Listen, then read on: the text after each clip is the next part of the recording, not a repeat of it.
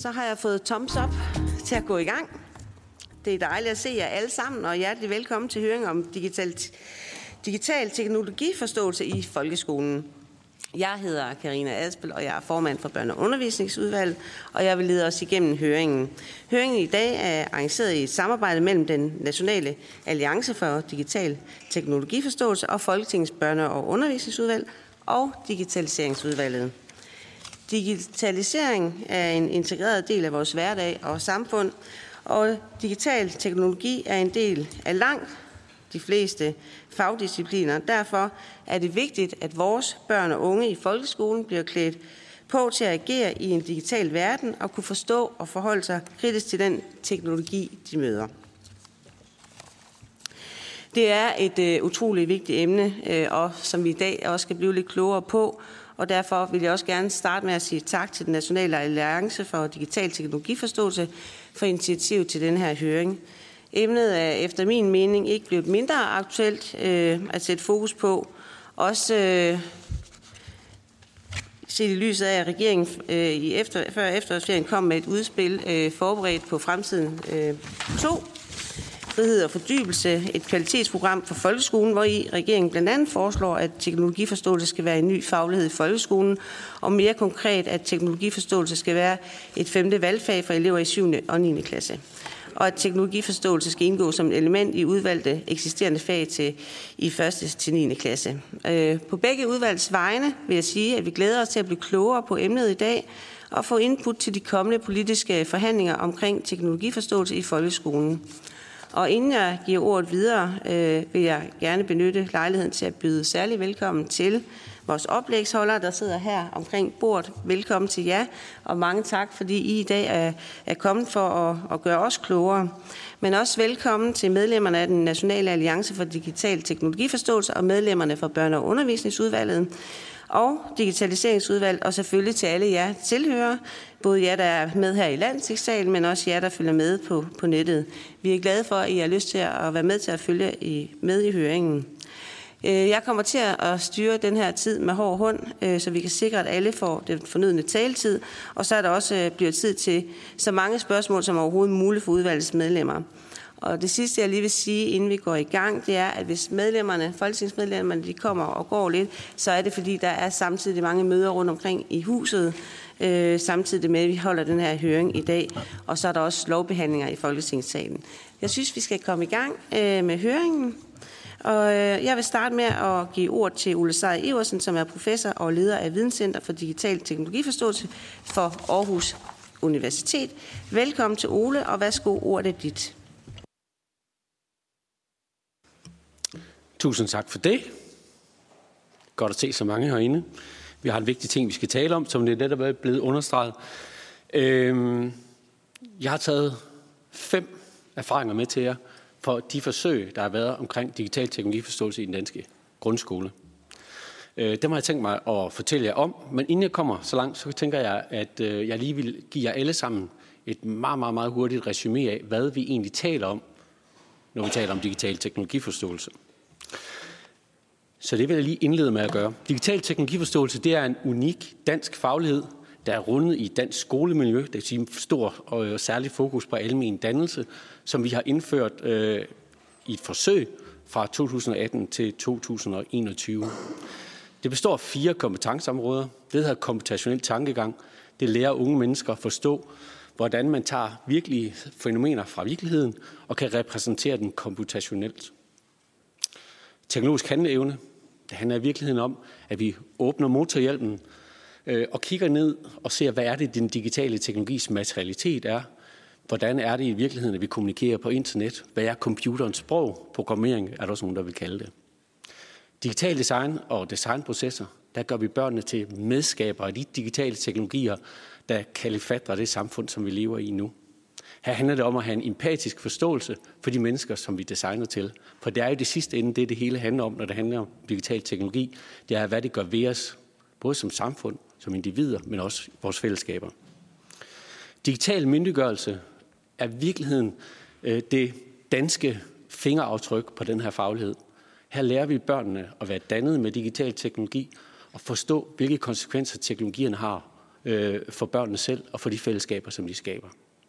Alt det her til sammen, det er den danske faglighed for teknologiforståelse. En faglighed, som lever op til alle de 11 stofområder, der internationalt er blevet sat for, hvad det er, vi skal lære børn omkring digital teknologi, så vi sikrer os, at de kan færdes tryg i en digital verden. Men den danske faglighed er måske en lille smule mere end det, set i et internationalt perspektiv. For skal vi tro eksperter rundt om i hele verden, så er det faktisk den danske faglighed, der har været ansøgstenen til de 11 stofområder, man har valgt i andre lande. Altså de rekommendationer, der ligger for faget. Så vi kan godt bryste os af i Danmark, at til trods for, at vi ikke har indført faget, så har vi faktisk skabt en skole og en retning, som man kigger på internationalt. Så det er værd at tage med. Og nu til de fem anbefalinger. Fra forsøgsprogrammet, som altså testede teknologiforståelse både som fag og i fag på 46 skoler, der er i første omgang her taget tre hovedkonklusioner med fra slutevalueringen. For det første så viste forsøgsprogrammet, at teknologiforståelse blandt hele det pædagogiske øh, personale blev set som en vigtig og meget relevant faglighed i folkeskolen. Det var meget almen dannende, øh, mente det, det pædagogiske personale, og det klæder børnene på til både at være kritiske, men også konstruerende i en verden, hvor digital teknologi i større og større omfang præger det liv, vi lever. Teknologiforståelse blev både af elever og af det pædagogiske personale set som noget, der virkelig motiverede eleverne. Og det handler rigtig meget om, tror jeg, at teknologiforståelse, det er meget praktisk, det er meget virkelighedsnært, meget hands-on, om I vil. Og på den måde så, op, så oplevede eleverne det som noget, der bragte virkeligheden tættere på dem, og de kunne se meningen med den undervisning, det var i fagligheden. Endelig så er det også vigtigt lige at bemærke, at fagligheden den er ret kompleks. Det er en substantiel faglighed. Det er ikke noget, man kan danse sig til. Så der skal nye kompetencer til hos personalet, hos det pædagogiske personale, for at man rent faktisk kan lave en funderet faglig digital teknologiforståelsesundervisning. Det var tre ting fra forsøgsprogrammet. Øh, Før vi havde forsøgsprogrammet for teknologiforståelse, der forsøgte man sig øh, på 13 skoler med et forsøgsvalgfag fra 2017 til 2020. Der gik undersøgelserne øh, og slutevalueringen rigtig meget på, hvad er det for nogle kompetencer, lærerne skal have for at undervise i det, og hvordan kan vi støtte dem. Men øh, observationerne fra selve valgfaget, det viste faktisk, at når man laver teknologiforståelse som valgfag, så sidder læreren typisk med en lang række af meget teknologiinteresserede drenge. Og der er meget, meget få piger, der vælger det til. Så her er der en udfordring, kære venner, fordi hvis vi vil have en almen dannende faglighed, så går det ikke, at halvdelen af befolkningen faktisk aldrig nogensinde kommer til faglokalet. Specielt ikke, hvis vi ved, som der står her på sliden, at i 2021, der var andelen af kvindelige IT-specialister i Europa faktisk helt nede på omkring de 20 procent. Så her er der et opmærksomhedspunkt, vi kan lære af. Det sidste punkt, jeg lige vil øh, tage med her i mit korte indlæg, det er, hvis vi kigger på øh, fremadrettet mod en implementering af teknologiforståelsesfaglighed i Danmark. Fordi der i slutevalueringen, der blev der faktisk en undersøgelse, hvor man spurgte det pædagogiske personale, hvordan tænker I, at teknologiforståelse i fremtiden skal kunne implementeres? Og det vi kan se øh, af, af resultaterne, det er, at uanset om det pædagogiske personale havde været på nogle af de 22 skoler, hvor teknologiforståelse var et selvstændigt fag, eller på skoler, hvor det var integreret i fag, så var der en stor tendens til, at det pædagogiske personale kunne se, at teknologiforståelse skal ind enten som et fag, eller som et fag og integreret i fag. Så en af de ting, jeg tænker, vi skal lytte til af de mennesker, der har været i gang med det her i tre år, det er at forstå, at teknologiforståelse ikke er et quick fix, men bare sådan lige drysser ud, og så bliver øh, børnene dannet til den digitale verden. Nej, det handler måske i en, større, i en større sammenhæng om, at vi tør give dem den substantielle faglighed, der gør, at vi kan få skabt nogle samfund, der er præget af digitalisering, som både er værd at leve i, og hvor vi gerne vil leve. Så det var ordene herfra. Øh, jeg har selvfølgelig gjort vold på en del øh, rapporter for at vælge de her ting ud. Der er meget mere viden, substantiel viden, der ligger i de her rapporter. Øh, så det vil jeg opfordre alle til at give sig i kast med og læse. Tak for ordet. Tusind tak til dig, Ole. Så øh, vil jeg give ord til Jakob Harder, som er dekan for Københavns Professionshøjskole og formand for styregruppen for den Nationale Alliance for Digital Teknologiforståelse. Værsgo, Jakob.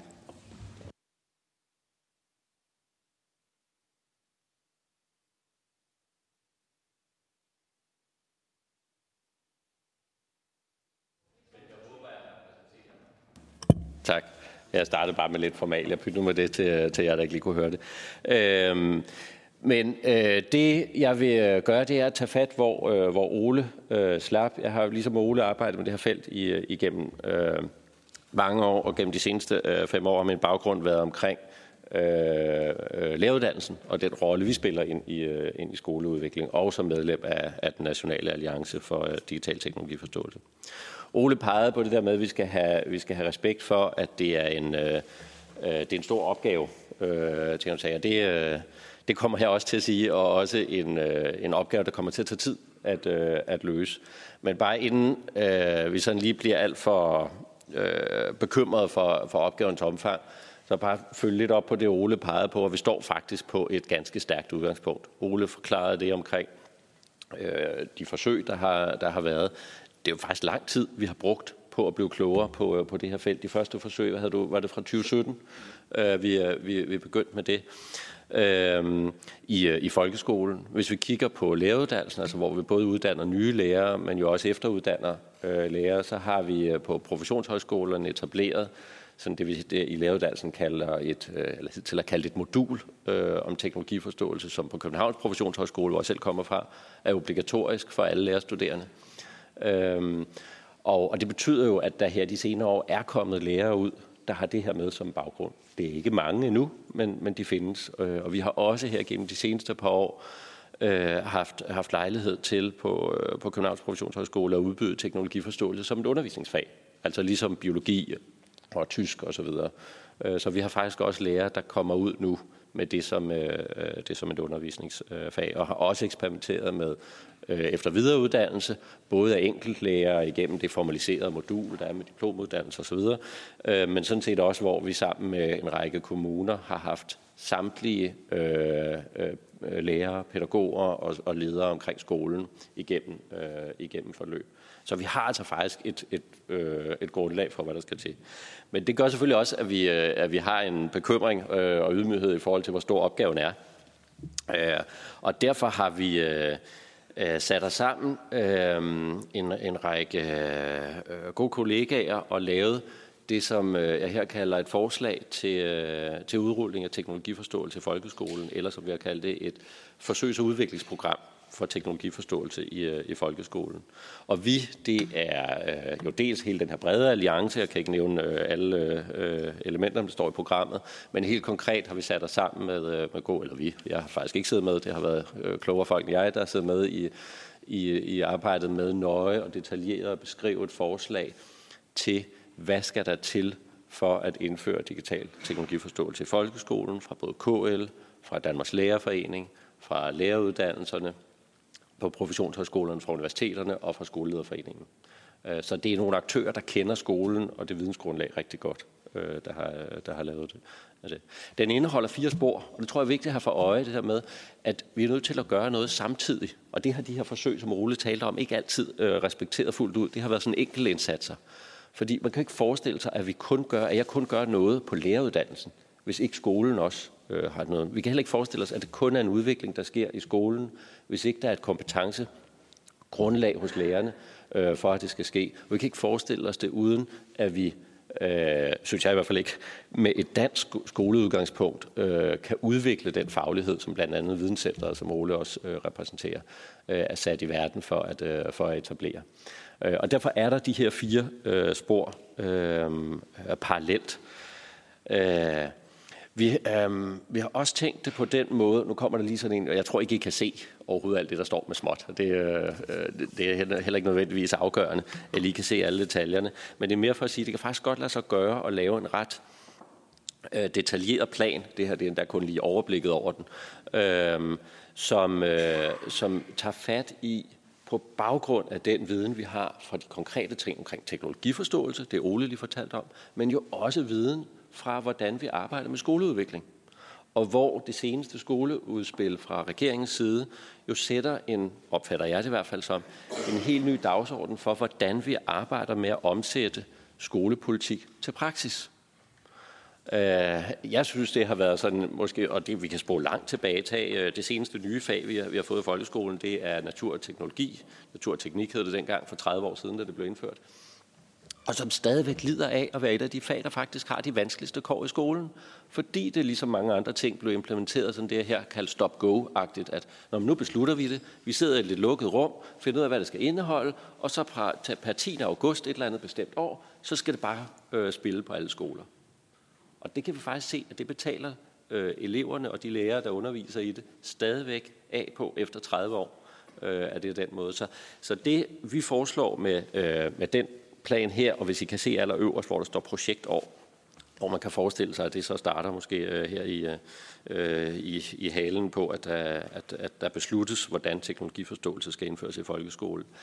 Øh, at vi så siger, jamen, der bliver ikke sådan, at vi sætter os i et lukket rum, og så finder vi ud af at være kloge nok til at kunne definere præcis, hvordan digital teknologiforståelse skal se ud i udvalgte fag og som et selvstændigt fag. Nej, det inviterer vi faktisk. Vi går faktisk bare i gang men vi går ikke bare i gang med at sige, lad os se, hvad der sker, sådan tusind blomster blomster. Vi går i gang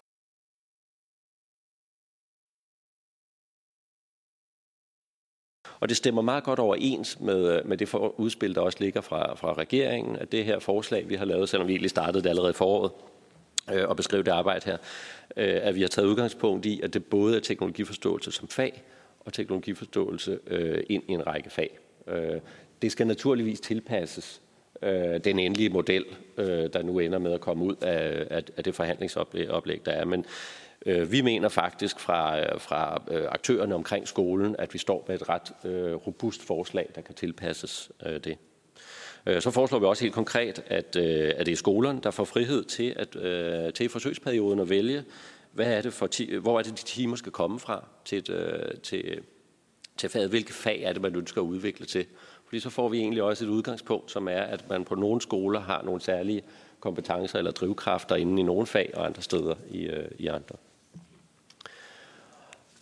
Det sidste, øh, jeg har øh, tænkt at, øh, at, at øh, runde, runde af med, det er at sige, at nu er der øh, et, øh, et udspil til, øh, øh, til ændring af folkeskolen, hvor digital teknologiforståelse indgår. Tak for det.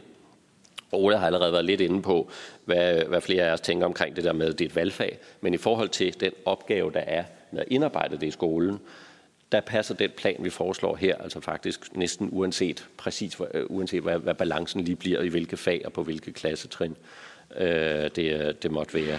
Øh, så om det lige præcis bliver som den der figur over til højre eller noget lidt andet, det, det tror jeg ikke er, øh, er det afgørende for opgaven.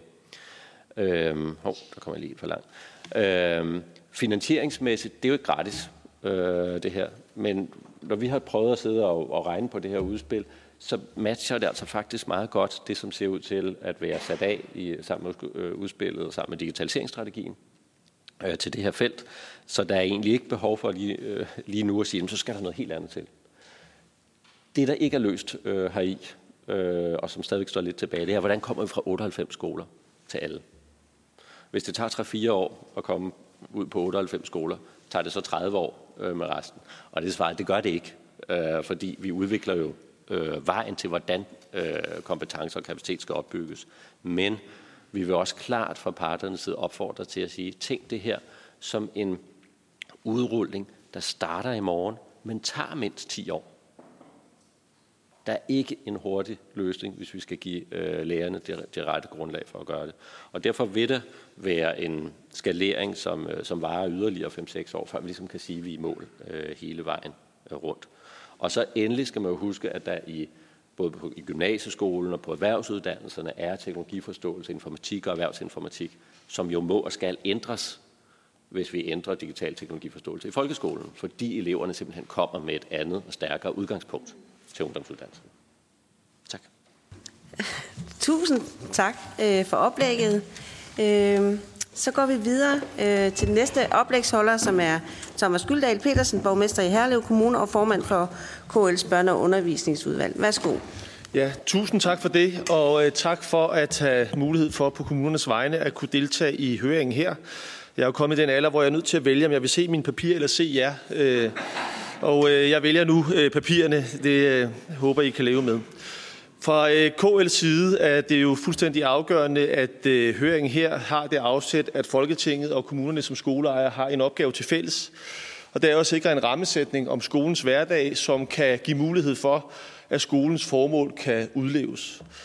Og øh, skolens formål, øh, beskrevet i formålsparagrafen, kan vel næppe udleves i 2023, uden at man også forholder sig til øh, digital dannelse, digital uddannelse, teknologisk forståelse, og derfor så er øh, debatten om faget her øh, fuldstændig uomgængeligt, hvis vi skal sikre, at fremtidens øh, skoleelever også bliver borgere, der kan tage ansvar både for eget liv og for vores øh, samfund.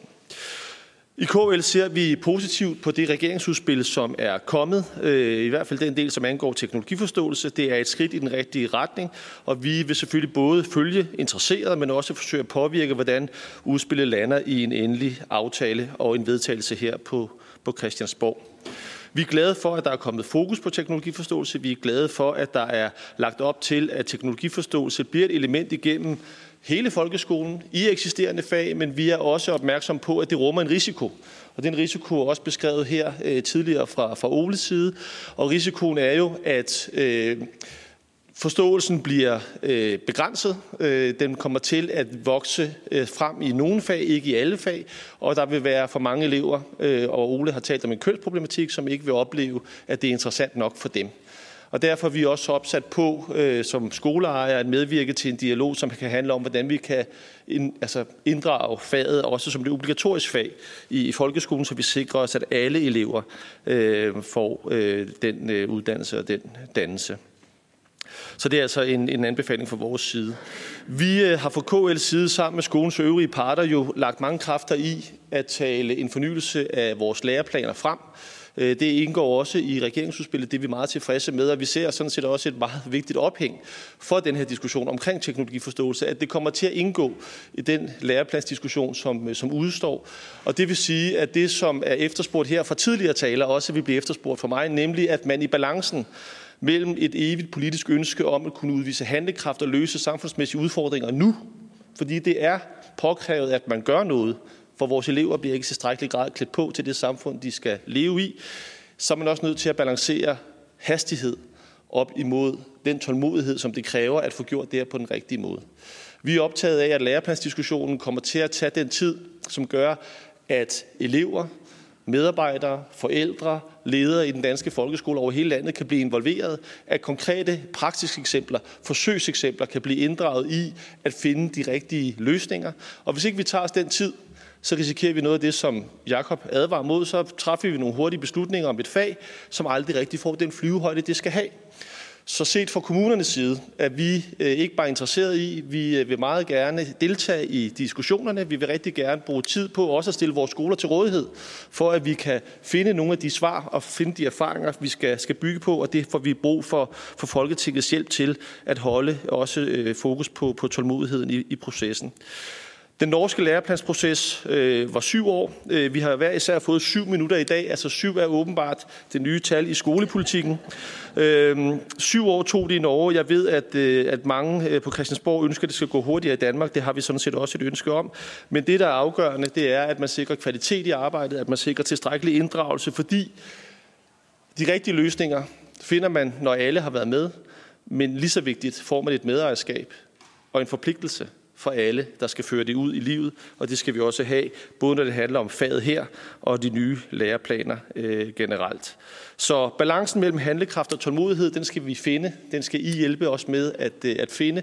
Og så tror vi på fra KL's side, at vi med de begavede ord, som er sagt her tidligere, den proces, som er i gang, det store arbejde, som foregår, så kan vi rent faktisk finde en vej i skolen, hvor alle elever stifter bekendtskab med teknologiforståelse, digital dannelse i alle fag, men også som obligatorisk fag faktisk får muligheden for at fordybe sig i de fire øh, elementer, som, øh, som Ole beskrev tidligere. Det er afgørende. Så vi ser frem til arbejdet og håber på øh, tålmodighed. Tak for det, Thomas. Og nu vil jeg lige åbne for nogle spørgsmål fra nogle udvalgsmedlemmer, og jeg appellerer til, at det bliver sådan kort og godt, og så måske lige stille det til, hvem I stiller spørgsmål til. Og jeg starter med Jakob Mark fra SF. Værsgo. Tak for oplæggene. To spørgsmål til Ole og et til Thomas, måske også til Jakob. Øh, hvad betyder komputationel? Øh, og jeg har lige øh, et mere, jeg gør det lige færdigt. Og og så havde du en spændende oversigt over, at øh, halvdelen af skolerne ønskede, at det skulle være et øh, selvstændigt fag, og den anden halvdel, faktisk et flertal, ønskede, at det skulle være et integreret fag. Hvad var ligesom argumenterne for dem, der har deltaget, altså særligt for dem, der vil have det som integreret? Øh, fordi vi har hældt mest til det andet i SF, men vil jo gerne høre, hvad, hvad tænker dem, der har prøvet det. Og så til Thomas eller Jakob og. Øh, I nævner jo regeringens udspil og, øh, og, det, og det havde jeg også forventet, men det, det, der ikke står helt klart for mig, det er, hvis det var fuldstændig som I vil have det, når regeringens udspil er blevet til et forlig, hvad er det så, der er med? Bare sådan, for, fordi vi er egentlig åbne for, hvad, for at finde den gode løsning. Jeg skal bare være helt sikker på, hvad er det, I synes. Og vi samler lige op. I må gerne skrive ned, fordi der er flere på listen. Så er det Birgitte Vind, Socialdemokratiet. Værsgo. Tusind tak for det. Jeg skal gøre det kort. Altså, jeg repræsenterer digitaliseringsudvalget øh, her i dag. Jeg sidder ikke i, i børne- og undervisningsudvalget. Øhm, men det, jeg blev meget optaget af, øh, det var særligt dig, Ole. Du siger det meget fint i starten, at, øhm, at det, vi omgiver os med, det design, vi omgiver os med, det skal være rart og godt og tilgængeligt. Og, øh, og vi ved jo også godt, at noget af det design, øh, børnene møder og pigerne møder, øh, apropos den kønnede debat, er designet øh, af det andet køn og at øh, vi der har nogle konflikter og nogle problematikker. Og jeg synes, det er meget interessant, I, I trækker de her ting frem med, med pigerne og kvinderne. Nu tænker jeg også på de kvindelige lærere. Jeg bliver selvfølgelig meget, meget nysgerrig på, øh, om der er en sammenhæng i forhold til, til det. Øh, og om I ser nogle veje at gå, fordi det er jo et, en, en stor udfordring og et stort problem. Altså hvis man træder ind på, nu har jeg selv forladt den danske folkeskole som, som mellemleder her for 4-5 år siden, og øh, men træder man ind i sådan et frikvarter, så er det jo drengene, der sidder. Øh, det er dem, der har et sprog for det, der foregår, også i frikvartererne. Øhm, og, og pigerne bliver sådan dekoblet. Sådan var det i hvert fald for fire år siden. Øh, kan I sige lidt mere om, hvordan øh, har I gjort jer nogle flere tanker om, hvordan kan vi angribe den her kønnede diskussion, også i forhold til, at vi må erkende, at vi har rigtig mange kvindelige folkeskolelærer.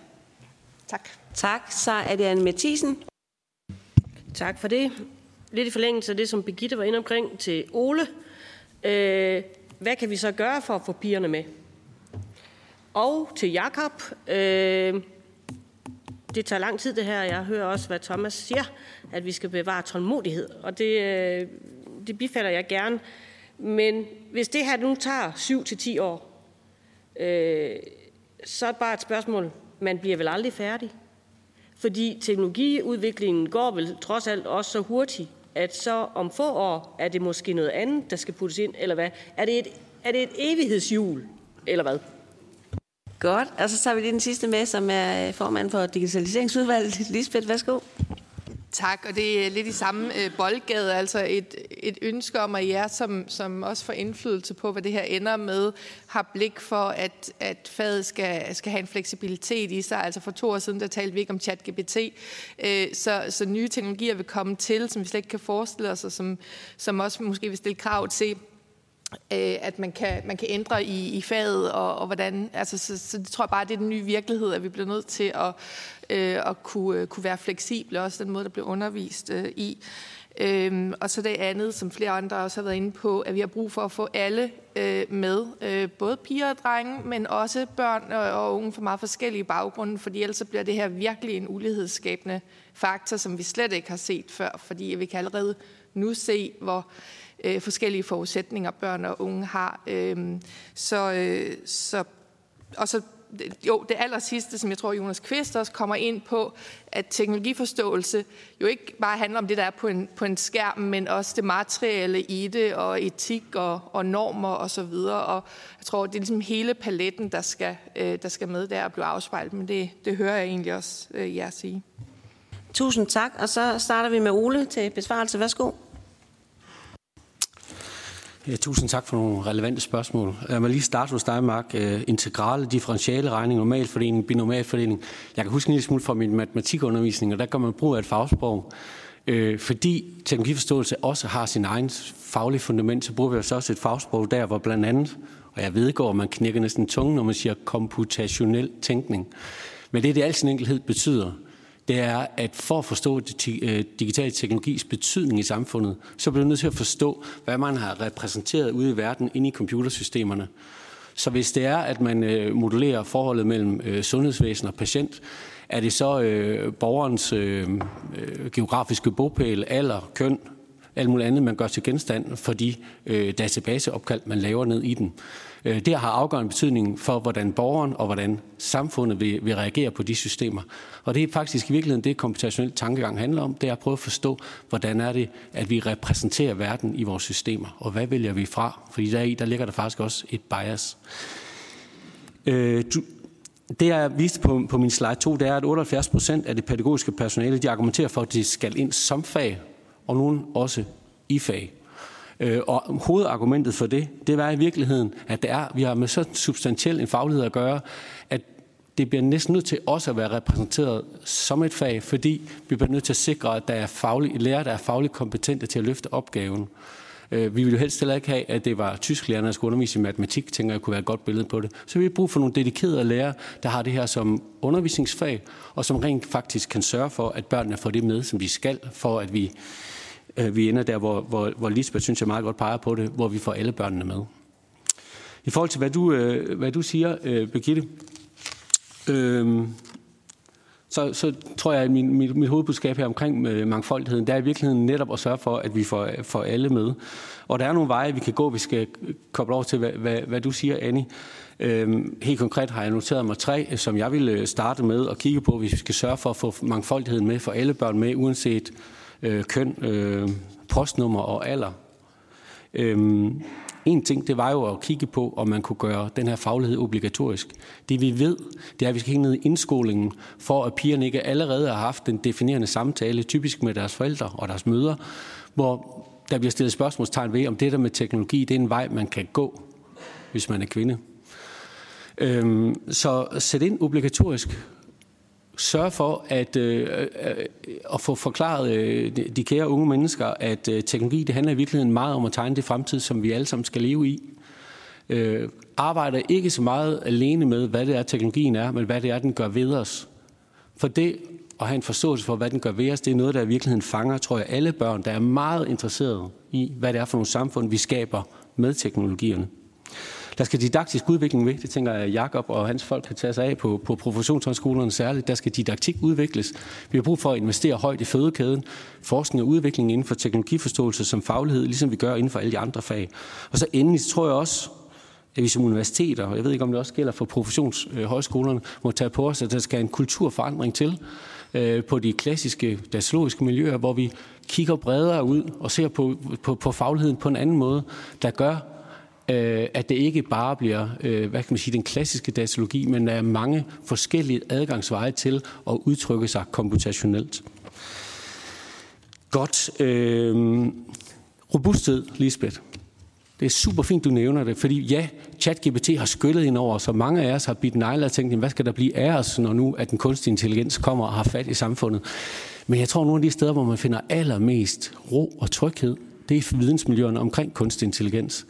For det vi ved, det er, at bag al teknologi, uanset om vi taler kunstig intelligens, neurale netværk, you name it, så ligger der en modelforståelse, som ligger bag alt det her, og som faktisk stort set aldrig forandrer sig. Og det er lige præcis den modelforståelse, vi putter ind i teknologiforståelse, så vi giver børnene en robusthed til at møde den verden, hvor ChatGPT bliver til den næste teknologi og den næste teknologi. Børnene vil kunne genkende modellen, og ud fra det så ville de kunne færdes som ansvarlige og dannede borgere. Tak. Så skal vi lige have også et uh, kort svar fra Jakob. Ja, øh, man bliver vel aldrig færdig. Øh, er det et evighedshjul? Øh, så, øh, det var vel mere en kommentar. Eller, ej, det var også lidt et spørgsmål, Annie. Øh, nej, det er rigtigt. Men i stedet for at se det som et problem, det, det er der sådan, en skole skal udvikles. Vi skal ikke bilde os ind, at vi kan sidde i et lukket rum og lave en færdig skole, og så gå ud og sige, nu gælder den fra i morgen. Så jeg ser det sådan set som en måde at arbejde med det, der også lægges op til, at vi tænker omkring skoleudvikling. Øh, Øh, så, så, øh, så ja, det vil være ongoing, men selvfølgelig bliver udviklingsopgaven øh, mindre, fordi man får sat tingene mere i system, altså, øh, øh, og, og investeringen er større i starten. Altså matematik, som er et, et andet felt, jeg også arbejder en hel del med, har sådan cirka 3.000 års undervisningserfaring det sætter nogle andre spor i udviklingen end her, hvor der er begreber, man ikke engang lige kender, øh, andre end lige dig, Ole, øh, og, øh, og måske endda overhovedet for at udtale. Ikke? Øh, så det, det tror jeg, man skal tage som det er. Så spørg flere, flere er inde på både det med køn, og hvad er det egentlig, vi ønsker, som Jacob Mark øh, spørger til. Altså, hvis jeg kan kode det ned til en, en ting, der er, som jeg synes er hovedproblemet i, øh, i udspillet, så er det det, det valgfag. Og jeg har jo selv i nogle af jeres spørgsmål peget på, hvorfor. Vi ved, hvem der er, der vælger det valgfag. Det er endda for, øh, formuleret på, øh, efter en model, hvor det vist nærmest som det eneste af valgfagene ikke er, noget, ikke er et fag, man har tidligere. Og det vil sige, at de eneste, der har erfaring med det, og derfor vil kunne vælge det, det er dem, der allerede har det med hjemmefra. Det er en fejlkonstruktion, øh, og den vil føre til det, de forkerte, der, øh, der vælger faget. Så det tror jeg egentlig er hovedønsket. Ellers så kan vi, som øh, i hvert fald læreruddannelser, og du må jo svare for, for, for skolerne, håndtere, om det lige er de ene klassetrin eller det andet, det skal være obligatorisk fag øh, og, og ind i fagene. Der er argumenter for og imod. Jeg tror faktisk personligt, vil jeg på baggrund af, af det, jeg var involveret i at forsøge at have tænkt et selvstændigt fag tidligere, og så ind i fagene senere. Men det, det kan der ikke laves en klar opskrift på. Men jeg tror, det er afgørende, at der etableres et obligatorisk fag. Øhm, Ja, så lige det der med mange kvindelige øh, folkeskolelærer, det er rigtigt. Det fylder øh, øh meget, og det er vi også glade for vores øh, øh, kvindelige lærerstuderende.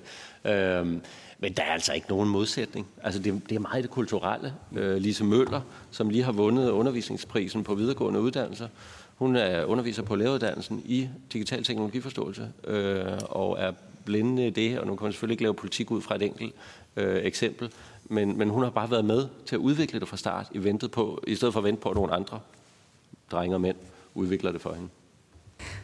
Tak for det. Så lige øh, Thomas til sidst. Meget, meget kort, øh, og det er svar på, på, på Jakobs spørgsmål. Vi synes, at, øh, at regeringens forslag øh, med introduktion af teknologiforståelse som valgfærd, som en integreret del i alle fag, er et godt første skridt. Og vi tror sådan set også på det med integrationen af elementet i alle fag, kan være et bidrag til at udvikle den øh, mere varieret og mere praktisk orienteret skoledag, som, som vi ønsker os. Så det er sådan set meget godt. Men skal man skabe en reel bevægelse fremad, så kan man ikke nøjes med at flytte det ene ben. Så vi ser gerne, at man også flytter det andet ben. Og det andet ben er så, som også Jakob er inde på her, som også Ole har, har sagt, at man introducerer faget som det obligatorisk fag, så vi sikrer os, at alle elever, uanset baggrund, uanset køn, stifter bekendtskab med faget og opnår både øh, en kompetenceudvikling, men jo også en nysgerrighed, som kan, som kan være givende for, øh, for videre uddannelse. Øhm, så, så det skal være øh, budskabet budskab her. For bare lige en ting i forhold til tålmodighed, som Annie var inde på. En ting er jo proces, og en ting er jo at blive enige og få medejerskab. Noget andet er jo også, som Jakob nævner i sit oplæg, at vi skal jo have skoler, som organisatorisk er klar til at løfte, men også medarbejdere, som på kompetencedelen er klar til at løfte. Og det skal vi jo også have en samtale om, hvordan sikrer vi, at, at vi ikke bare har et fag, men vi rent faktisk også har kompetencer og medarbejdere, der kan folde faget ud i, i al sin kompleksitet. Tusind tak for nogle gode svar. Så går vi videre, og jeg vil som til næste give ord til Gordon Ørskov, for, formand for Danmarks Lærerforening. Værsgo.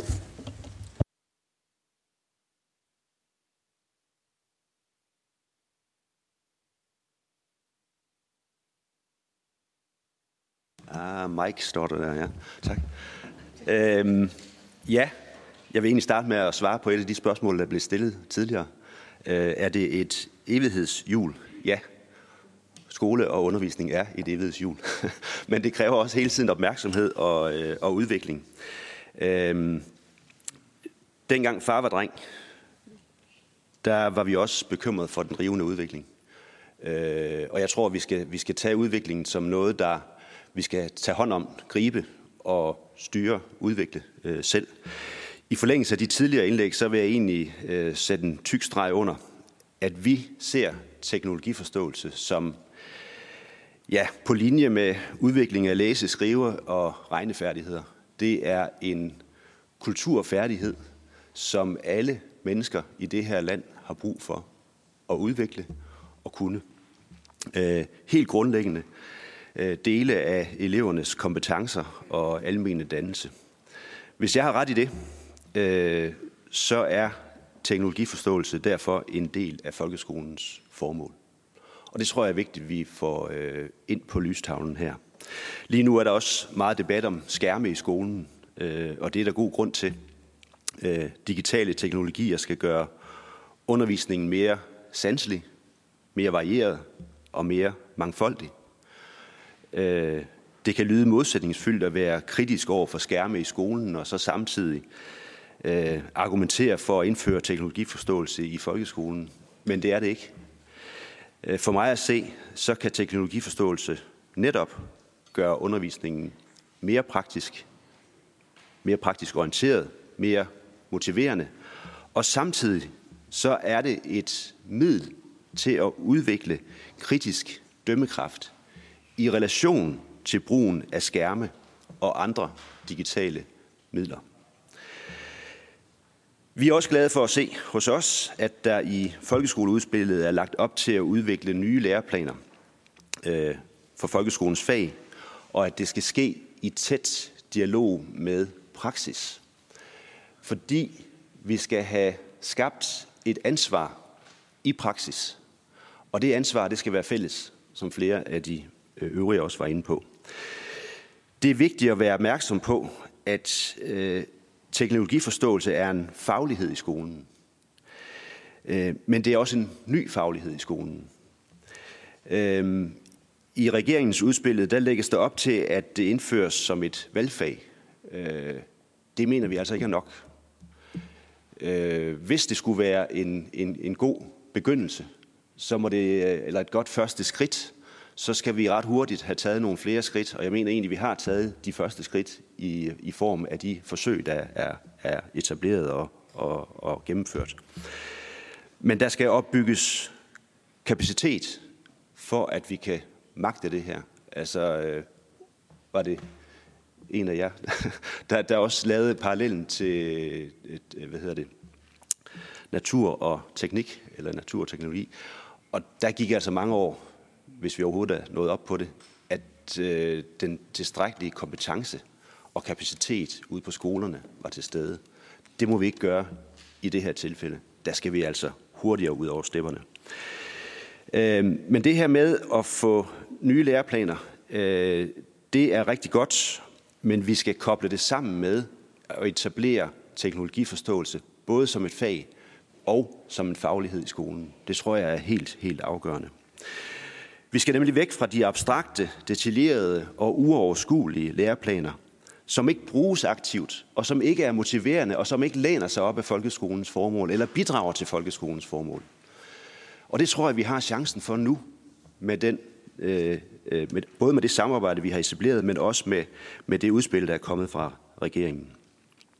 Udvikling af teknologiforståelse og overvejelser om, hvordan fagligheden skal indgå i folkeskolen, det skal altså ses i sammenhæng med læreplansarbejdet. Vi har brug for læreplaner, der, der sådan gennem en bred og grundig inddragelsesproces proces sikrer det her ejerskab og opbakning til dem, der skal føre det ud i livet. Det skal være en aktiv, et aktiv for lærerne at bruge øh, læreplanerne, herunder også teknologiforståelse.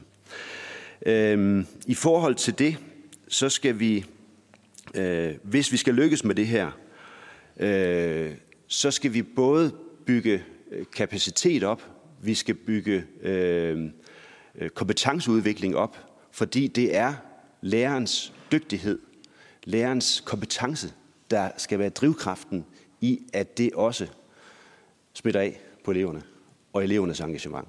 Det er øh, virkelig, virkelig afgørende. Og det er altså, som sagt, hvis vi skal lykkes med det her, et led i at gøre folkeskolen mere praktisk orienteret. Øh, så er teknologiforståelse som sagt en del af løsningen, fordi det praksisnære og det anvendelsesorienterede, det er kernestof i teknologiforståelse. Og dermed bidrager det til folkeskolens brede dannelsesopgave og folkeskolens formål. Tak. Tusind tak for det.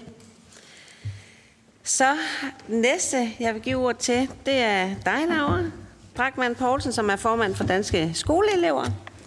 Så er ordet dit.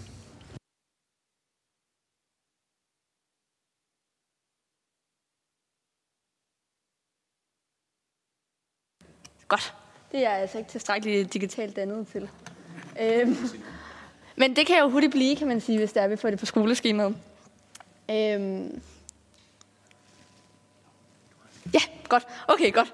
Perfekt. Øhm. Er det her? Okay, okay. Ah, det er fordi, jeg vendte den forkert. Sådan der. Godt. Yes, nu virker det. Godt. Fedt. Øhm, jeg springer øh, lynhurtigt over den her respekt for tiden. Øh, men jeg hedder Laura, og øh, jeg er formand for Danske Skoleelever, så jeg repræsenterer alle eleverne i øh, den danske grundskole. Jeg vil øh, tage jer tilbage til dengang jeg var fem år gammel og lige var begyndt i skole. Oprindeligt skulle det her være et billede af mig øh, dengang, men min mor øh, kunne ikke finde ud af at vedhæfte et billede af mig. Øh, så I måtte, øh, I måtte nøjes med det her. Øh, men da jeg var fem år, der øh, var jeg lige begyndt i skole, og jeg skulle så øh, øh, til at begynde at køre de her ture selv i skole, og derfor var der også en enorm stor tryghed for mine forældre i, at jeg ligesom havde mobiltelefonen med. Og dengang var der ikke rigtig noget sådan vildt eller signifikant over det, øhm, for det var jo egentlig en ret almindelig del af vores skole, og jeg var hverken halskram, som måske nogle af jer var første gang, jeg havde en mobiltelefon i skolen, eller imponeret, udover øh, over det faktum, at den kunne finde ud af at spille Snake. Øh, men lynhurtigt, der fik fik femårige Laura, som blev til syvårige Laura, i takt med, at teknologien udviklede sig, en mobiltelefon, der minder lidt mere omkring dem, vi for eksempel kender i dag. Og den mobiltelefon er blevet en helt naturlig del af den teknologiske verden, jeg og rigtig mange andre elever er vokset op i, med øh, elektronik, som fylder og er meget almindeligt. For eksempel med skærme på togstationer, øh, Disney-show i vores fjernsyn, en Bluetooth-højtaler på mit værelse, og en af mine yndlingslegetøj som barn, der bare havde indbygget en robot, som gjorde, at den kunne gentage de ting, jeg sagde til den. Og jeg bruger tid på at fortælle jer det her, fordi det er fuldstændig essentielt at forstå, hvor altomsluttende teknologi er, øh, som har udviklet sig i takt med, at vi har udviklet os, er i den verden, som vi lever i. For os er der ikke noget før, der findes kun et nu. Desværre oplever jeg, at rigtig mange elever bliver efterladt med teknologien, fordi hverken vores forældre kan klæde os på til det, og vores lærer forstår det måske heller ikke helt. Øhm, og vigtigst af alt, så er teknologi heller ikke anerkendt på lige fod med for eksempel matematik eller engelsk. Men for os elever er det lige så vigtigt at kunne tale sprog, som det er at kunne forstå teknologien. Den spiller nemlig en større, altså spiller stadig en større rolle i vores hverdag, og hvis ikke skolen klæder os på til at gøre det, er der ikke nogen, der gør det. Og godt, det virker. Og især er jeg bekymret for det øh, sociale skæld, der kommer til at opstå mellem os elever, hvis ikke vi lærer om teknologi på lige fod. Nogle af os vil være på et teknologisk A-hold, som nogle af os pointerer, når der vi har nogen. Øh, når vi også oplever, at der er rigtig mange drenge, der vælger det til, så er der nogle elever, der kommer på et teknologisk A-hold og får mulighed for at udvikle de her kompetencer, fordi de for eksempel har nogle forældre, der kan klæde dem på til det, eller fordi det er, de har interessen for det, når vi har et valgfag. Mens der er andre, der kommer til at ende på et teknologisk B-hold, som ikke har forældre, der kan klæde dem på til det, og fordi de ikke vælger det til, fordi de ikke har interessen for det fra start. Og vi er altså nødt til at anerkende, at teknologi er et vigtigt element i vores hverdag, og det er lige så vigtigt som for eksempel det sprog, vi taler, for vi møder det alle sammen. Og teknologi, det er mere end blot vores mobiler og computer. Det handler, om, det handler også om øh, teknik og robotter, og omkring programmering. Og selvom det alt sammen er ord, der måske virker fjern fra den øh, hverdag, vi møder, er den type teknologi også hele vejen rundt om os. Og lige så vigtigt det er at forstå, hvordan salten på vores køkkenbord er opbygget, lige så vigtigt er det også at forstå, hvordan vores øh, radio er opbygget. For øh, det er hele vejen rundt om os. Og den sjoveste og mest effektive måde at lære omkring det på, er gennem en praksisfaglig undervisning, som også er helt enormt motiverende. Og ifølge en undersøgelse fra Forstå, er det kun 51 procent af os elever, der synes, det er spændende at gå i skole. Øh, men netop øh, mere praktisk undervisning kan gøre, at vi bliver mere motiverede. At få lov til at se og mærke arbejde med teknologien i vores egne hænder gør noget, der ellers kan virke mystisk, til noget meget konkret, og det gør os i stand til at stille relevante, nødvendige spørgsmål til den teknologiske udvikling. Og selvom jeg personligt bliver trist, hver gang jeg kommer i tanke om, hvor mange elever, der keder sig i skolen, er jeg stadigvæk optimistisk. Vi ved nemlig, at en del af løsningen er mere virkelighedsnær undervisning. Samme undersøgelse fra Forstå fortæller, at over halvdelen af elever på tværs af klassetrin og 70 procent af eleverne i udskolingen ønsker sig mere virkelighedsnær undervisning i vores skole. Vi elever vil gerne lære om den verden, der er om os, og ikke bare den, der eksisterer i bøgerne. Og teknologiforståelse er faktisk med til at motivere os. I den nationale evaluering, der blev lavet på forsøgene, som Jakob også var inde på, eller var det Ole? Som en af jer var inde på i hvert fald, der svarede, at cirka halvdelen af eleverne, at de i høj grad, eller i meget høj grad, var motiveret for undervisning i teknologiforståelse. Men yderligere 43 procent var i nogen, var i nogen grad motiveret. Og det er jeg helt sikker på hænger sammen med, at teknologiforståelse er et af de fag, der er mest relevante for os elever lige nu. Derfor bliver jeg også glad for at se, at regeringen lægger op til, at teknologiforståelse skal spille en langt større rolle i folkeskolen. Det er et skridt i den rigtige retning. Men når man som regering gør, lægger op til, at teknologiforståelse kun skal være et fag for de få og ikke for de mange, så er det ikke alle, der kommer til at stifte bekendtskab med den, og det kun er dem, der ønsker at vælge det til. Og som vi også har fået pointeret, så er det ofte drengene, og her skaber vi netop et skæld. For teknologien, den er kommet for at blive, og ingen kommer uden om teknologien i vores hverdag. Derfor er der også brug for, øh, at teknologiforståelse er en fast fag for alle elever. Selvfølgelig skal teknologiforståelsen også være en integreret del af skolens andet undervisning. Faktisk tror jeg, at teknologien er svær at komme udenom i et hvilket som helst fag, men den evaluering, der er lavet omkring teknologiforståelse, eller over i prøveforsøgene med teknologiforståelse, fortæller også tydeligt, at der er stor forskel på elevernes motivation for undervisning, alt efter om det kommer som en integreret del af undervisningen, eller om det kommer som en fast del af fagene. Her finder vi klart mest motivation, når det tager form i sit eget fag, og det giver egentlig også ret god mening, for jeg synes det er helt klart, at det var sjovere at spille håndbold, når læreren kendte spillets regler, eller når træneren kendte spillets regler, og det også var øh, lidt federe, når det var, at jeg ikke skulle koncentrere mig om at råbe tyske verber, mens jeg kastede bolden. Godt. Vi elever har brug for at vide, at der er nogen, der hjælper os til at forstå et af tidens største og vigtigste fænomener. Det kan ikke kortes ned til, at nogle elever måske på et tidspunkt skal lære om det.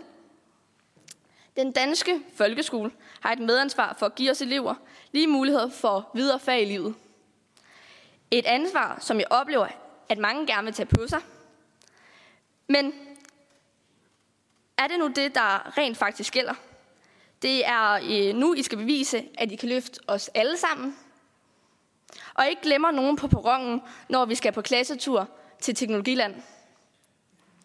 Jeg var måske nok fem år gammel, før jeg første gang sad med en mobiltelefon i hånden. Men elever, der starter i grundskolen i dag, her efter sommerferien, de har levet med den, siden de blev født.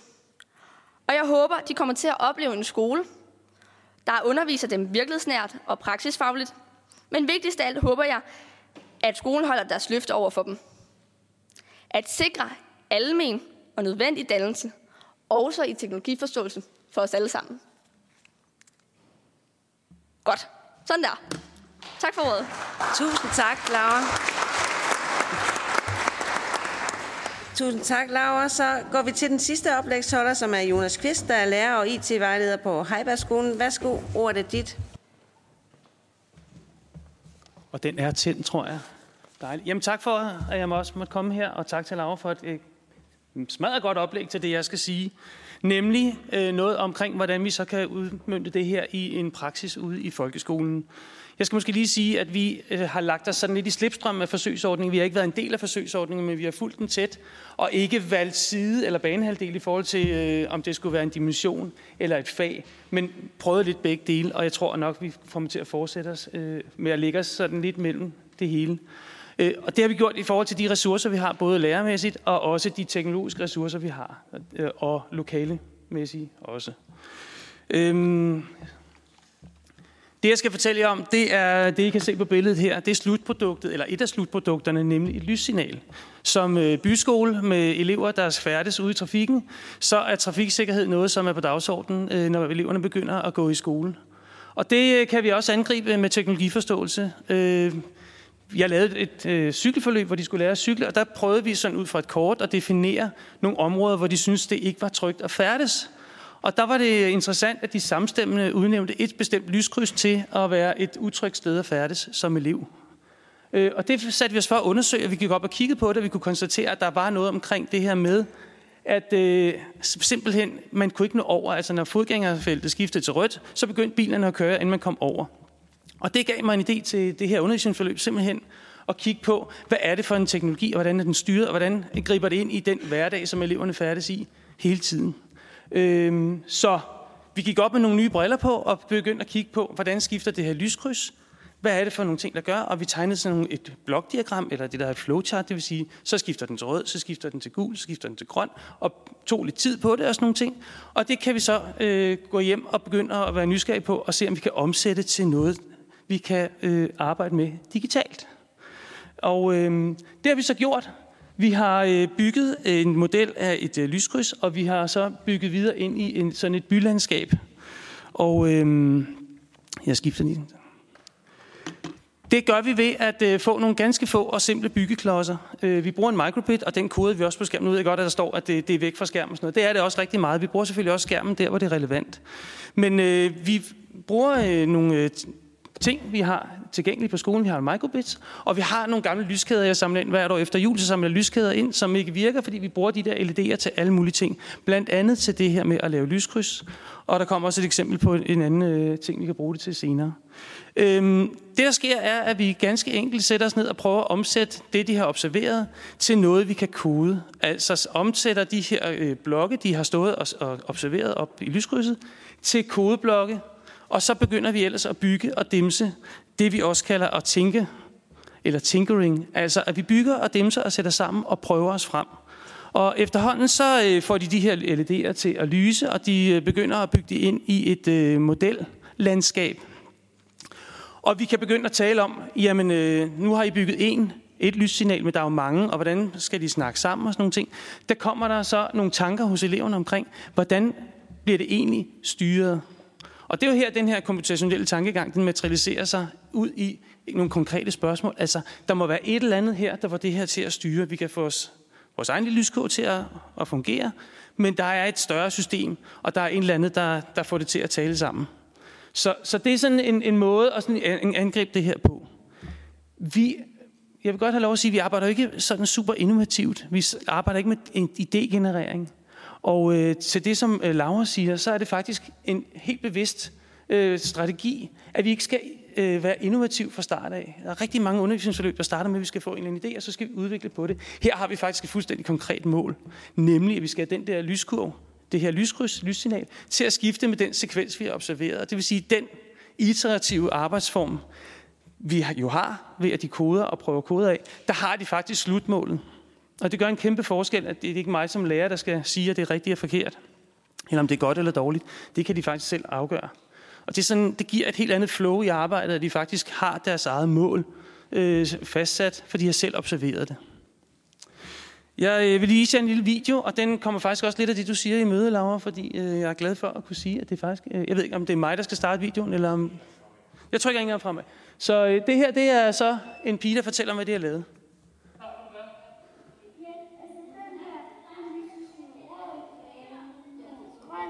Så kan bilerne køre, og så når, når man så slukker den, ja. og Fedt. Hvordan har I kodet det? Øh, altså sådan, vi har gjort så, når øh, lyset er sådan under 6, 6 ja. så, vil, så skal den tænde på lyset. Okay, prøv lige at, prøv lige at, at, at tænde lyset igen der.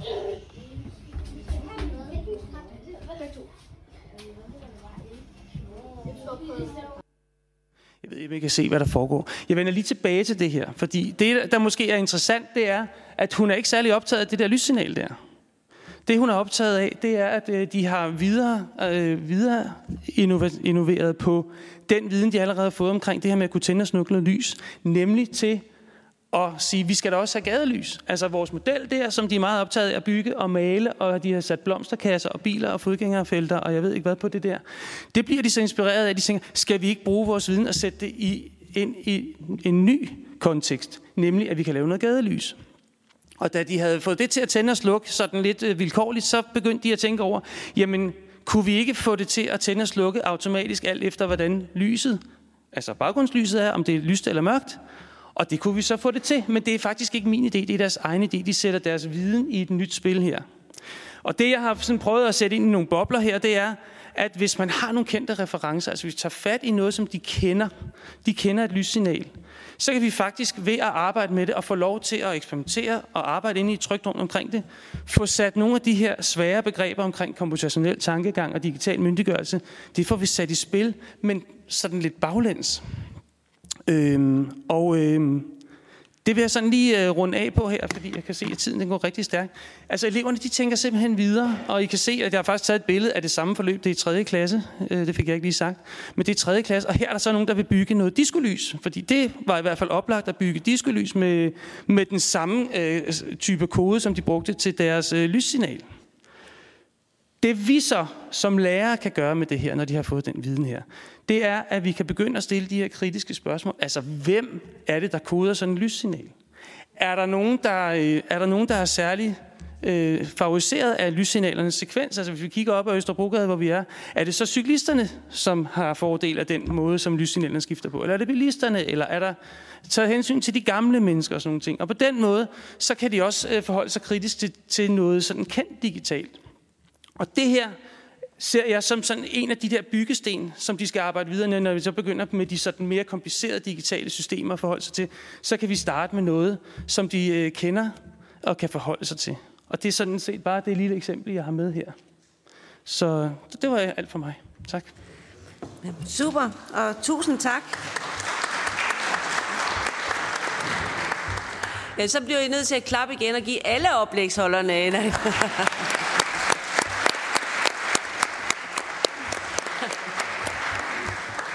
Godt. Jamen, jeg har også øh, nogle spørger på spørgelisten, og det skal være øh, kort og godt, og jeg håber, I skriver ned, øh, og I siger, hvem spørgsmålet er stillet til. Vi starter med Lisbeth Bæk Nielsen fra SF. Værsgo. Tak. Det er mest en uh, kommentar, men, men uh, som opfølging på, på noget af det, som Laura var, var inde på. I uh, Digitaliserings- IT-udvalget har vi haft fokus på, at op imod en fjerdedel af befolkningen de, uh, beskriver sig selv som, som en eller anden form for digitale analfabeter, i hvert fald når det kommer til offentlig digitalisering. Og som mange sikkert kan regne ud, så er der en del ældre blandt den gruppe, men måske overraskende for nogen, så er der også rigtig mange unge blandt den gruppe. Unge, som er øh, digitalt indfødte og, og bruger rigtig meget tid på telefonen, men som ikke kan navigere i offentlig digitalisering eller selvbetjeningsløsninger. Og i forhold til, at vi er verdens mest digitaliserede land, og vi som stat og det offentlige kræver utrolig meget af vores borgere, så er det jo et kæmpe demokratisk problem, at specielt mange unge, som er digitaliseret på mange andre måder, som han ikke kan navigere i det, vi, vi kræver af dem. Øh, så det synes jeg også, altså for at koge ned, det handler ikke kun om, om man kan navigere, fordi nogen kan godt navigere i dele af det digitale, den digitale verden, og ikke, og ikke i anden. Så det handler også rigtig meget om øh, sprog og, og den måde, vi, vi indretter vores øh, systemer på, som er ekstremt fremmedgørende i dag, jo specielt over for unge. Tak, så er det Annie. Jeg bliver altid bekymret, når... Nej, det gør jeg ikke. Men når Lisbeth og jeg, vi har næsten de samme tanker. Jeg har også drillet Jacob en gang imellem med at sige, at han er venstremand. Han ved det bare ikke endnu. Nå, øh, spørgsmål. Både til Laura og til Gordon. Øh, fordi I taler meget om det der med A- og B-hold. Øh, er der en eller anden udfordring, at når vi nu får rullet alt det her ud, og det kører, og øh, de næste generationer bliver lært op, er der en udfordring i forhold til, at vi gamle forældre, vi simpelthen øh, bliver et C-hold? Øh, det er der vel. Øh, eller er det, er det i forhold til aftenskoleundervisningen at, øh, og VU-undervisningen osv., at vi så skal have fat? Altså jeg tænker imellem det, som eleverne kommer til at tale om, og det, som forældrene forstår. Tak. Så øh, er det Kim Aas.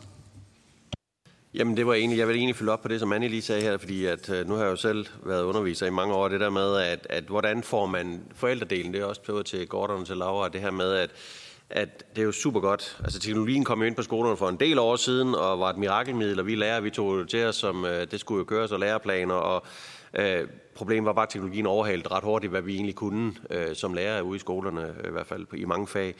Og, og så faldt, tabte vi helt forældrene. Altså, hvordan kan man sikre sig altså, i den proces, at vi husker, fordi forældrene er jo en, den vigtigste medspiller i det hele taget til, at øh, folkeskoler, friskoler osv., at øh, grundskolen fungerer. Så hvordan får man dem med på, øh, på rejsen? Tak. Og den sidste spørger, det er... Øh, man kan se, at Lise har... Øh, okay. Men, nå, så har, Helena, har du også bedt om ordet? Værsgo. Yes, øh, meget kort. Jeg kan sådan fornemme hele vejen rundt, at der egentlig bliver sagt, sådan, at det ikke nok med, at det bliver et valgfag. Jeg kunne godt tænke mig at høre, måske for øh, Gordon eller Jonas, om det er lige fra øh, altså 1. til 9. klasse, øh, hvor mange timer man tænker, der skal øh, bruges på det, og om det kan risikere at blive et tomt fag, hvis der bliver brugt virkelig mange øh, timer på det. Tak for det. Og det sidste, vi når, det er dig, Lise. Værsgo. Øh, jamen, jeg er jo meget, meget øh, glad for øh, al den information, I har givet os her. Øh, det har vi brug for, så mange tak for det. Øh, og jeg, jeg sidder og bliver simpelthen så dilemmafyldt, fordi øh, sådan, hvis jeg konkluderer lidt sådan generelt, så øh, er det ikke nok, at det bliver et valgfag for drenge. Øh, det er også at karikere det lidt, men det er lidt det, der er ude at gå. Øh, man ønsker det simpelthen obligatorisk, hvilket jeg også tænker er det helt rigtige. Nu kommer vi til mit dilemma, fordi det konservative Folkeparti har kæmpet øh, i mange år om at gøre skoledagen kortere. Øh, og det er lidt ligesom hjemme i min stue, når jeg får en ny pynteting, så tænker jeg, hvis den skal ind i stuen, så er der noget andet, der skal ud. Øh, så når nu vi står på, at vi rent faktisk gerne vil bevare de kortere skoledage, som der også bliver lagt op til, som alle, tænker jeg, her ved øh, bordet øh, af politikere er enige om er en god idé, så er mit dilemma, hvad er det så, vi ikke skal, øh, når nu vi gerne vil have et helt nyt obligatorisk fag? Øh, og det er slet ikke sikkert, at I kan svare på det, men vi bliver simpelthen nødt til at tage det med ind i vores overvejelser om at lave Danmarks bedste folkeskole, grundskole. Tak. Tak for det, og det er nok også vigtigt at sige, at fordi at øh, vi har den her høring i dag, så slutter dialogen ikke. Den fortsætter vi med, så tror jeg, vi får brug for. Øh, men øh, Laura, vil du starte med at svare?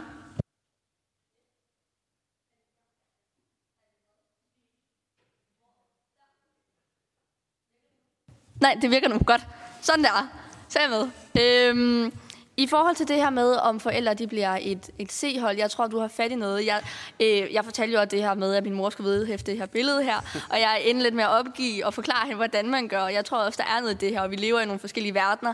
Rigtig mange unge mennesker er rigtig meget på de sociale medier, og forældrene er nogle andre steder, så jeg tror helt sikkert, at vi har nogle forskellige elementer, eller nogle forskellige, ja, nogle, altså nogle forskellige grupper, øh, som er forskellige steder i forhold til det her med teknologi.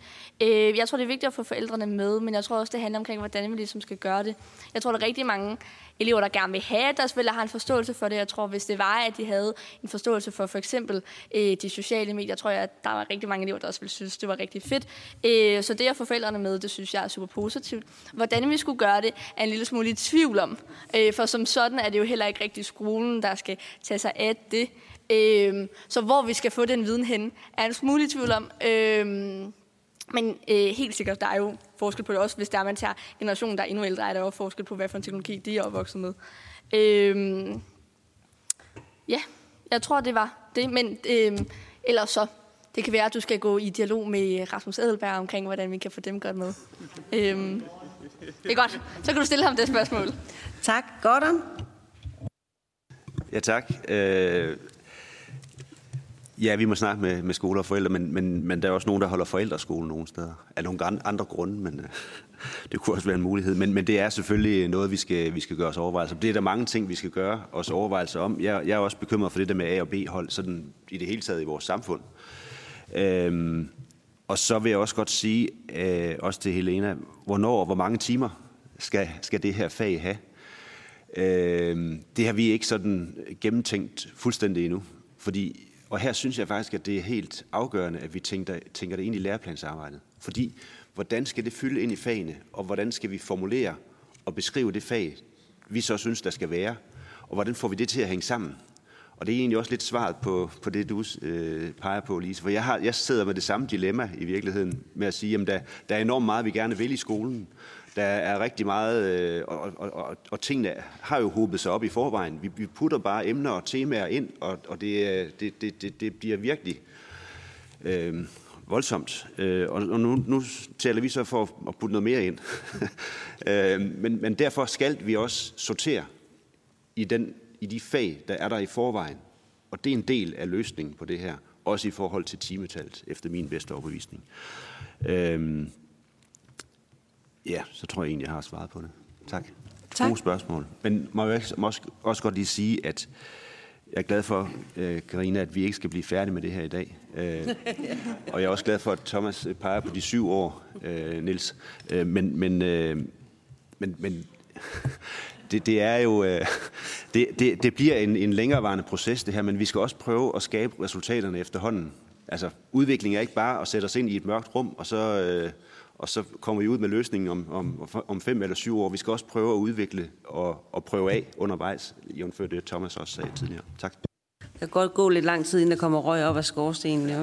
Ja, øh, Jonas, har du øh, lige en øh, kommentar? Altså, jeg har en kort kommentar til det med klassetrin og sådan nogle ting. Altså, vi arbejder i hvert fald for første klasse, kan jeg sige. Øh, og, og jeg vil også sige, at jeg, nu har jeg ikke tid til sådan at uddybe så meget, men, men jeg er meget inspireret af Mitch Resnick, professor på MIT, der har skrevet en bog, der hedder Lifelong Kindergarten, som handler om, at vi skal have en lejende tilgang til mange ting herunder teknologi. Og ligesom om, at den der er i hvert fald lidt er glædet ud af fagformålet i hvert fald, at vi skal også huske at lege med tingene. Øh, Og, og det jeg oplever altså med første klasse og i det hele taget i indskolingen, det er, at i modsætning til elever i 5., 6., 7. klasse, som sådan er lidt bange for det her med den iterative, fordi de tror, man begår fejl, når man ikke lige har den øh, rigtige i første hug, så har øh, indskolingsbørn altså en helt anden lejende tilgang til det, hvis de får lov til det. At vi, de, de, de dimser, og de leger, og de hygger sig med det. Og den der robot, hvis det er det, de kører med, hvis den kører øh, ud over bordet og falder ned på gulvet, så synes det, det er sjovt. Øh, hvorimod en elev i 6. klasse øh, eller 7. klasse måske synes, det er pinligt. Så der er en, et, et helt andet læringspotentiale i de, i de yngste klasser i forhold til at få sådan en helt anden og, og, og sådan ufarlig tilgang til det. Så abs, absolut skal vi have det ind i, i, fra ja, 0. klasse, i hvert fald 1. klasse. Tidlig i forløbet. Det, det, og det, det er kun mine egne erfaringer. Jeg taler ikke sådan generelt empirisk, men, men det, mine egne erfaringer med det. Tusind tak. Ja, fantasi og, og leg er utrolig vigtigt. Det var, øh, hvad vi kunne nå i øh, denne høring, og på udvalgenes vegne, så vil jeg godt sige tusind tak til alle jer oplægsholdere for at stille jer til rådighed og dele ud af jeres viden og erfaringer. Og der har været virkelig mange gode øh, input og anbefalinger fra, fra jer, som vi også kan bruge i vores øh, videre arbejde. Vi ved ikke... Øh, hvor lang tid processen kommer til at tage, men det må vi se. Vi håber, vi kan fortsætte dialogen, øh, og vi er jo i hvert fald i udvalgene åbne over for yderligere øh, dialog. Og ellers så vil jeg slutte af med at sige tusind tak også til den Nationale Alliance for Teknologiforståelse for samarbejde omkring øh, høringen her. Og jeg, øh, vi når os, øh, er, er der lige en, en kort afsluttende kommentar for dig, du måske har brug for lige øh, her på falderæbet? Jamen, det skal så kun øh, være kvittering for, at I også interesserer for det bredt, og de spørgsmål, der viser, at der er ikke noget, der er lukket endnu. Det er åbnet endnu, og det er et virkelig vigtigt punkt. Og vi bidrager hjertens gerne. Nu har vi på syv minutter hver især øst af, af vores erfaringer, men der ligger jo både hos os selv, men hos nogle af vores kollegaer langt mere viden bagved, så det må I endelig bare efterspørge øh, nærmere. Ja, det er jo det med tiden altid, men øh, det, der er resulteret i, det er, at vi har haft rigtig mange folketingsmedlemmer med til den her høring, øh, netop på grund af, at vi kunne gøre det på den her måde, og det har faktisk været helt fantastisk. Så det er komprimeret, men effektivt. Øh, jeg vil bare sige tusind tak, og høringen kan genses på Folketingets hjemmeside og på Børne- og Undervisningsudvalgets hjemmeside, vil vi senere i dag også offentliggøre de præsentationer, som I har vist her i dag. Så tusind tak til jer alle sammen.